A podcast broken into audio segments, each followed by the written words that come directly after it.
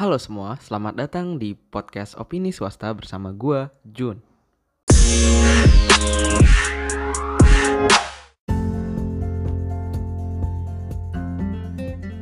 Pertama-tama sebelum kita mulai masuk ke intinya, gue mau minta maaf dulu karena waktu antara podcast terakhir yang gue upload dan podcast ini jauh banget. Sorry karena gue ada skripsi biasa swasta. Habis itu ya sama beberapa kegiatan lainnya. Di podcast kali ini gue pengen ngomongin soal solo traveling dan kenapa kalian harus mencoba solo traveling. Sekaligus sedikit tips untuk kalian yang merasa takut banget kayak yang pernah gue alamin. Jadi gue pertama kali solo traveling itu pada saat gue di luar Indonesia, tepatnya di Eropa. Itu gue kebetulan lagi sekolah dan gue merasa pada saat liburan fall itu gue gabut banget. Ngapain ya? Hmm, pergi di Prancis udah kayak ya Prancis gitu-gitu aja gitu. Gue nggak menemukan sesuatu yang baru.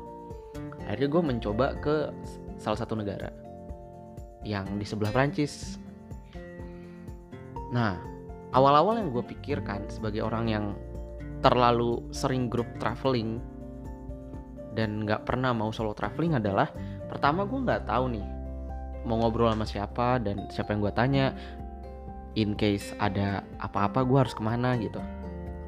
Oleh karena itu karena gue mau mencoba keluar dari comfort zone gue ya udah dong. Gue mencoba mengakali semua ketakutan gue dengan pertama riset. Mencari harga, mem membuat budgeting berapa, dan gue memastikan provider gue roaming di Uni Eropa kayak gitu. Gue memastikan hal-hal yang sangat simple, bahkan sampai gimana caranya beli tiket kereta. I know it sounds weird atau odd bahkan, tapi ketika kalian benar-benar pengen kayak gue, misalnya gue belum punya pengalaman sama sekali, tapi gue pengen semuanya 90% aman lah, makanya gue nge-search sampai ke detailnya. Karena gue apa ya dibilang trauma agak trauma sih pas di Prancis kayak ada beberapa mesin untuk membeli tiket untuk membeli makanan untuk membeli minuman dan administrative things pakai mesin itu nggak ada bahasa Inggris. Gila nggak lo itu nggak ada bahasa Inggrisnya. Itu bahasa Prancis oleh karena itu gue ngelakuin riset bener-bener riset ke kota yang gue kunjungi ini di Itali. Mastiin bahwa bahasa Italinya misalnya beli apa one day pass apa single way apa single way tiket apa dan gimana cara makainya. Gue tuh mencari sedetail itu. Ya kalian boleh nyontoh apa enggak tapi saran gue ketika kalian sangat takut kayak gue tapi pengen keluar dari zona nyaman kalian pada saat liburan kalian lakuin riset. Kayak gue gue di Roma pas waktu itu di Roma itu line metronya dikit kayak cuma tiga line gitu. Kalau kalian bandingin sama Paris wah gila nggak ada apa-apanya gitu Roma. Jadi makanya gue kayak nggak terlalu panik nih pas di Roma. Dan setelah gue lihat oh ada bahasa Inggris aman gitu ya udah gue pakai tiba-tiba ada masalah nih. Padahal tiketnya udah gue validasi dan kawan-kawan. Udah gue validasi udah gue cek udah gue pastiin itu sing single single way ataupun one day udah gue pastiin. Ternyata masalahnya ada di si mesin apa ya istilahnya? Kalau kalian pernah di Singapura ada MRT nah kan ada mesinnya dulu tuh nih sebelum lanjut ke platform si MRT-nya yang kayak gitu jadi pakai ada masalah gue nggak tahu harus ngapain ya gue bilang ke petugas dong. Nah kebetulan petugasnya ini ngerti bahasa Inggris dikit sehingga gue pakai Google Translate juga untuk bahasa Itali. Nah yang kayak gitu-gitu gue udah persiapan duluan dan udah siap mental karena di Perancis pernah. Nah untuk kalian yang ini another tips lagi setelah riset dalam. Untuk kalian yang merasa bahwa bahasa Inggris akan selalu menolong kalian, ada baiknya untuk mempelajari sedikit bahasa lokal, sisanya Google Translate. Karena ketika kalian nggak bisa bahasa lokal, ada kemungkinan sesuatu bakal berjalan nggak sesuai keinginan. Kayak yang gue rasain di Roma. Apalagi yang gue kerasa itu pas gue masuk ke suburbsnya Roma, kayak udah agak di luar dari kota Roma, kota Roma itu sendiri. Itu pas gue berburu beberapa makanan tradisional wah gila sih perjuangan banget gue untuk kontak sama mereka mau makan gelato yang enak gitu tapi murah dan recommended gitu sama lokal. Karena prinsip solo traveling itu teman-teman adalah kalian bisa mengunjungi several places in short time tapi kalian tetap enjoy. Karena kalian nggak punya company untuk ngobrol. Makanya ada ada kalau kalian pernah lihat YouTube tentang solo traveling ada yang nyaranin kalian di hostel untuk mencari teman. Sedangkan gue tipikal orang yang kadang nggak suka dibebani nama orang-orang yang drag me down you know like misal gue itu nggak suka makan makanan yang sangat manis sedangkan mereka tuh makan makanan yang manis duduk ngobrol. Sedangkan gue pengennya gue ngunjungin Roma kayak istilahnya gue ambis lah ambis untuk nguasain Roma gitu. Oleh karena itu kalian bisa mencoba untuk menguasai sedikit-sedikit bahasa dasar gitu dari daerah yang pengen kalian kunjungin contohnya. Gue kalau di Indonesia apa ya, gue merasa masih aman aja selama kalian bisa bahasa Indonesia. Tapi ketika kalian itu di luar negeri, gue saranin kalian harus tahu basic dari bahasa-bahasa itu. Gitu. Jadi pengalaman gue di Roma mengajarkan gue bahwa kita harus tahu bahasa lokal di luar sana gitu. Meskipun nggak fasih, tapi dikit-dikit lah. Bisa lah. Lalu singkat cerita gue berhasil melalui yang Itali dengan gue solo traveling. Insight yang gue dapat itu ini kak mungkin terdengar aneh ya, tapi di Itali gue jadi tahu bahwa setiap orang yang solo traveling seharusnya nggak bilang bahwa dia solo traveling, ngerti nggak?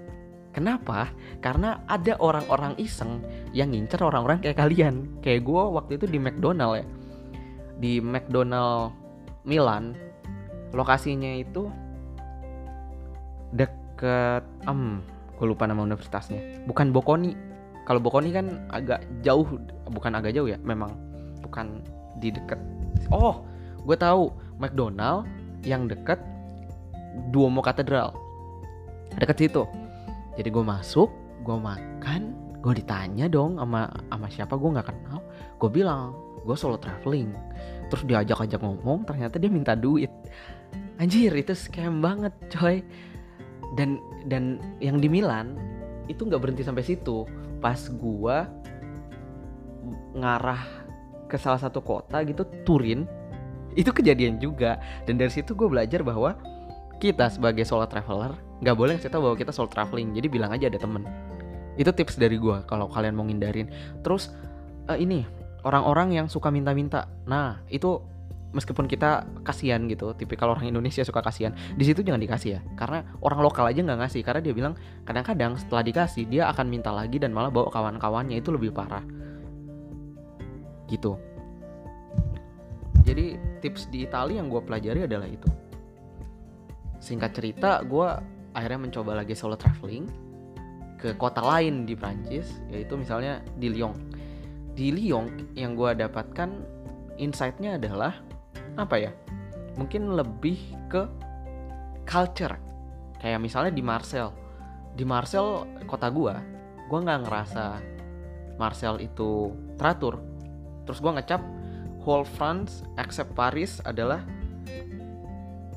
kota yang kayak gitu. Ternyata gue salah setelah ngobrol. Gue ngobrol sama orang lokal. Gue memberanikan diri untuk ngobrol sama orang lokal di mana bahasa Prancis gue masih pas-pasan dan dia ternyata bahasa Inggrisnya logat Britishnya lancar banget. Gila nggak lu? Ya kita ngobrol gue nanya-nanya. Tapi cara gue ini ini caranya kalian kalau misalnya mau ngobrol jangan basa-basi.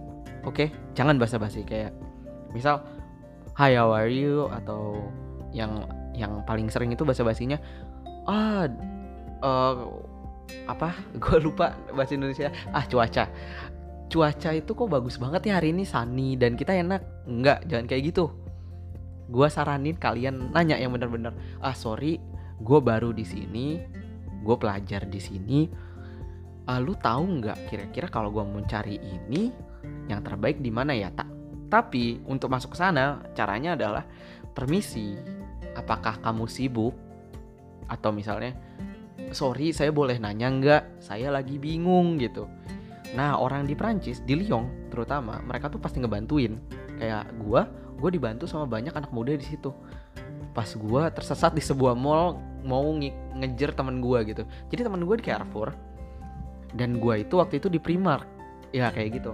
Jadi sebenarnya gue pengen tahu kayak di Lyon tuh spesialisasinya apa dan kenapa kotanya ada jembatan dan kira-kira tempat mana aja sih yang ramah untuk pelajar gitu harganya? Dari situ gue dapat banyak. Sehingga gue pas ngeset harus ke mana-kemana dan ke mana sama teman-teman gue gue itu hmm, lebih firm lagi gitu. Karena gue udah ngomong sama lokal. Itu tadi karena kita beda culture tips dari gue kalian coba cari tahu culture orang di situ gimana. Cuma gue bisa bilang bahwa kalau kalian misalnya mau solo traveling ke Prancis itu kalian usahakan kalian bisa sedikit bahasa Prancis bisa bahasa Inggris dan kalian tidak basa-basi straight to the point tapi tetap senyum. Karena orang Prancis suka banget orang yang ramah. Karena mereka juga ramah sih. Jadi wajar. Jadi kayak gitu. Tapi ngomong-ngomong pengalaman yang gue tadi yang paling unik pengalaman gue adalah pada saat ke Jerman pas dari Berlin menuju Leipzig. Itu itu itu gila itu gila sumpah gila. Pada saat kereta melaju ke ke arah Leipzig gue udah pertama gue nggak percaya yang namanya pemberitahuan itu bis dalam bahasa Inggris. Itu pertama. Karena kenapa? Karena pengalaman gue di Prancis dan di Itali pemberitahuan semuanya dalam bahasa lokal. Tapi di Jerman ternyata ada sedikit bahasa Inggris. Ya udah dong gue gua ngandalin pemberitahuan lalu karena gue orangnya biasanya memang riset karena pengalaman-pengalaman gue yang agak tidak mengenakan gue jadinya download aplikasi yang namanya DB Train jadi itu tuh bisa ngetrack train kalian bakal ada masalah apa enggak bakal ganti di mana. Seharusnya jel sejelas itu ya. Tetapi yang terjadi pas masuk menuju salah satu kota sebelum Leipzig keretanya mundur. Dan tulisan di DB Train adalah in bla bla bla station the train will change its platform into bla bla bla bla bla bla. Waktu itu platform 3 ke platform 10. Berhenti semua orang berdiri. Nah, insting dong. Ya gue berdiri. Ya udah berdiri. Gue lihat, gue keluar lah tuh set. Lihat, oh ini udah platform 10. Oh harusnya aman, maju nih. Ya udah gue tidur. Karena gue yakin itu maju ternyata keretanya mundur. Nah, dari situ gue udah merasa anjir anjir anjir ini gue salah. Ini gue salah kereta ya ampun gimana nih? Man di Jerman di kota kecil. Gue udah mikir kayak gitu udah mikir aneh-aneh lah. Ternyata ternyata keretanya misah jadi udah mundur nih set berhenti. Gerbongnya kayak bunyi kenapa gue bisa tahu itu gerbong? Karena gue itu duduk di kursi belakang dan itu kayak ada sambungan yang patah bukan patah ya sengaja gitu tak gitu. Terus gue tanya lah sama orang Jerman di di samping gue pakai Google Translate apakah train ini menuju Leipzig? Dia bilang oh enggak yang menuju Leipzig di depan. Hmm, mampus gue lari. Lu tahu itu? Kalau gue satu menit telat keluar udah kekunci pintunya. Gila nggak lu? Padahal itu dia bilang change platform. Tapi yang kejadian malah trennya kebagi jadi dua dan beda arah. Wah dari situ gue sontak men. Gue kayak bersyukur banget. Dan itu kejadiannya nggak cuma sekali di Jerman. Gue dua kali. Pas gue mau ke Flughafen salah satu Flughafen uh, di Munchen. Uh, kalau yang nggak tahu Flughafen Flughafen itu bandara. Jadi kalau kalian misalnya udah di Eropa kalian pasti sadar dong. Tiap ada tulisan misalnya nama metronya atau subway-nya adalah S8 lalu tujuan biasanya gitu. S8 Flughafen atau S9 Flughafen artinya pemberhentian terakhir dari metro tersebut adalah di Flughafen atau di bandara. Ketika itu tulisannya misalnya Ostbahnhof artinya itu di train station yang nama di train station ya di train station lah gitu. Nah gue gue lihat nih di kereta yang paling depan tulisannya Munchen Flughafen masuk gue lewat gerbong yang paling bukan paling belakang juga sih. Gerbong ketiga dari lima gerbong. Masuk gue set udah masuk. Sampai gue lupa nama daerahnya gitu di Munchen. Tiba-tiba berhenti. Plang. Plangnya emang udah bukan Flughafen kayak tulisan S9 eh sorry S8 bukan Flughafen. Gue ingatnya apa ya? Wah gue lupa Osbahnhof ya bener Osbahnhof karena itu ke arah kota. Terus gue bingung dong anjir ini jangan bilang sama kayak di Leipzig nih gue udah takut nih udah jangan bilang ini kayak di Leipzig. Gue tanya lah sama orang di situ kan. Dalam bahasa Inggris kali ini gue nggak pakai Google Translate karena itu posisinya jam jam 5.50 pagi. Gue gua kayak udah nggak kepikiran lah habis itu gue tanya oh enggak ini ke Osbahnhof kota. Hmm, mampus gue lari lagi. Gue lari metronya ini udah jalan. Sumpah ini udah jalan. Udah jalan dikit terus gue kayak gedor. Untung ada polisi yang baik banget dia bukain pintu. Dan gue naik wah gila men. Kalau nggak ada dia gue udah nggak bisa ngejer pesawat coy.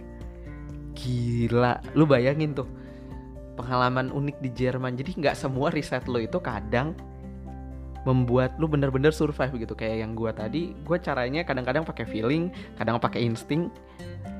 Wah sumpah. Lu pada harus nyobain yang namanya solo traveling.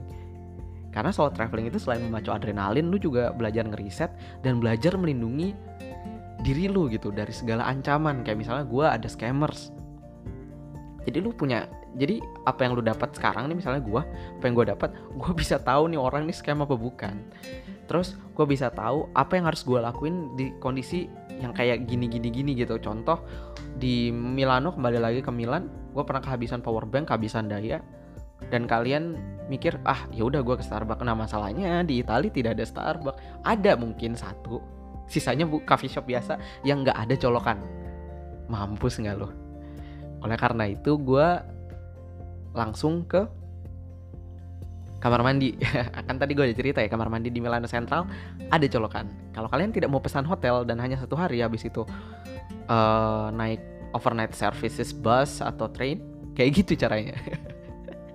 Jadi banyak banget nih kalau kalian berhasil menaklukkan ketakutan kalian soal traveling kalian bakal dapat banyak tips survival di dunia. Maksud gue ya di dunia benar jadi kalian tahu caranya adaptasi di negara yang kayak gini gimana dan di situasi tertentu kayak gimana?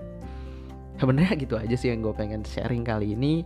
Sorry banget kalau ngalor ngidul gue nggak pakai skrip karena gue pure pengen ngebagi pengalaman-pengalaman traveling gue selama gue bersekolah di Prancis gitu aja. Gue Jun pamit undur diri. Sampai ketemu di episode selanjutnya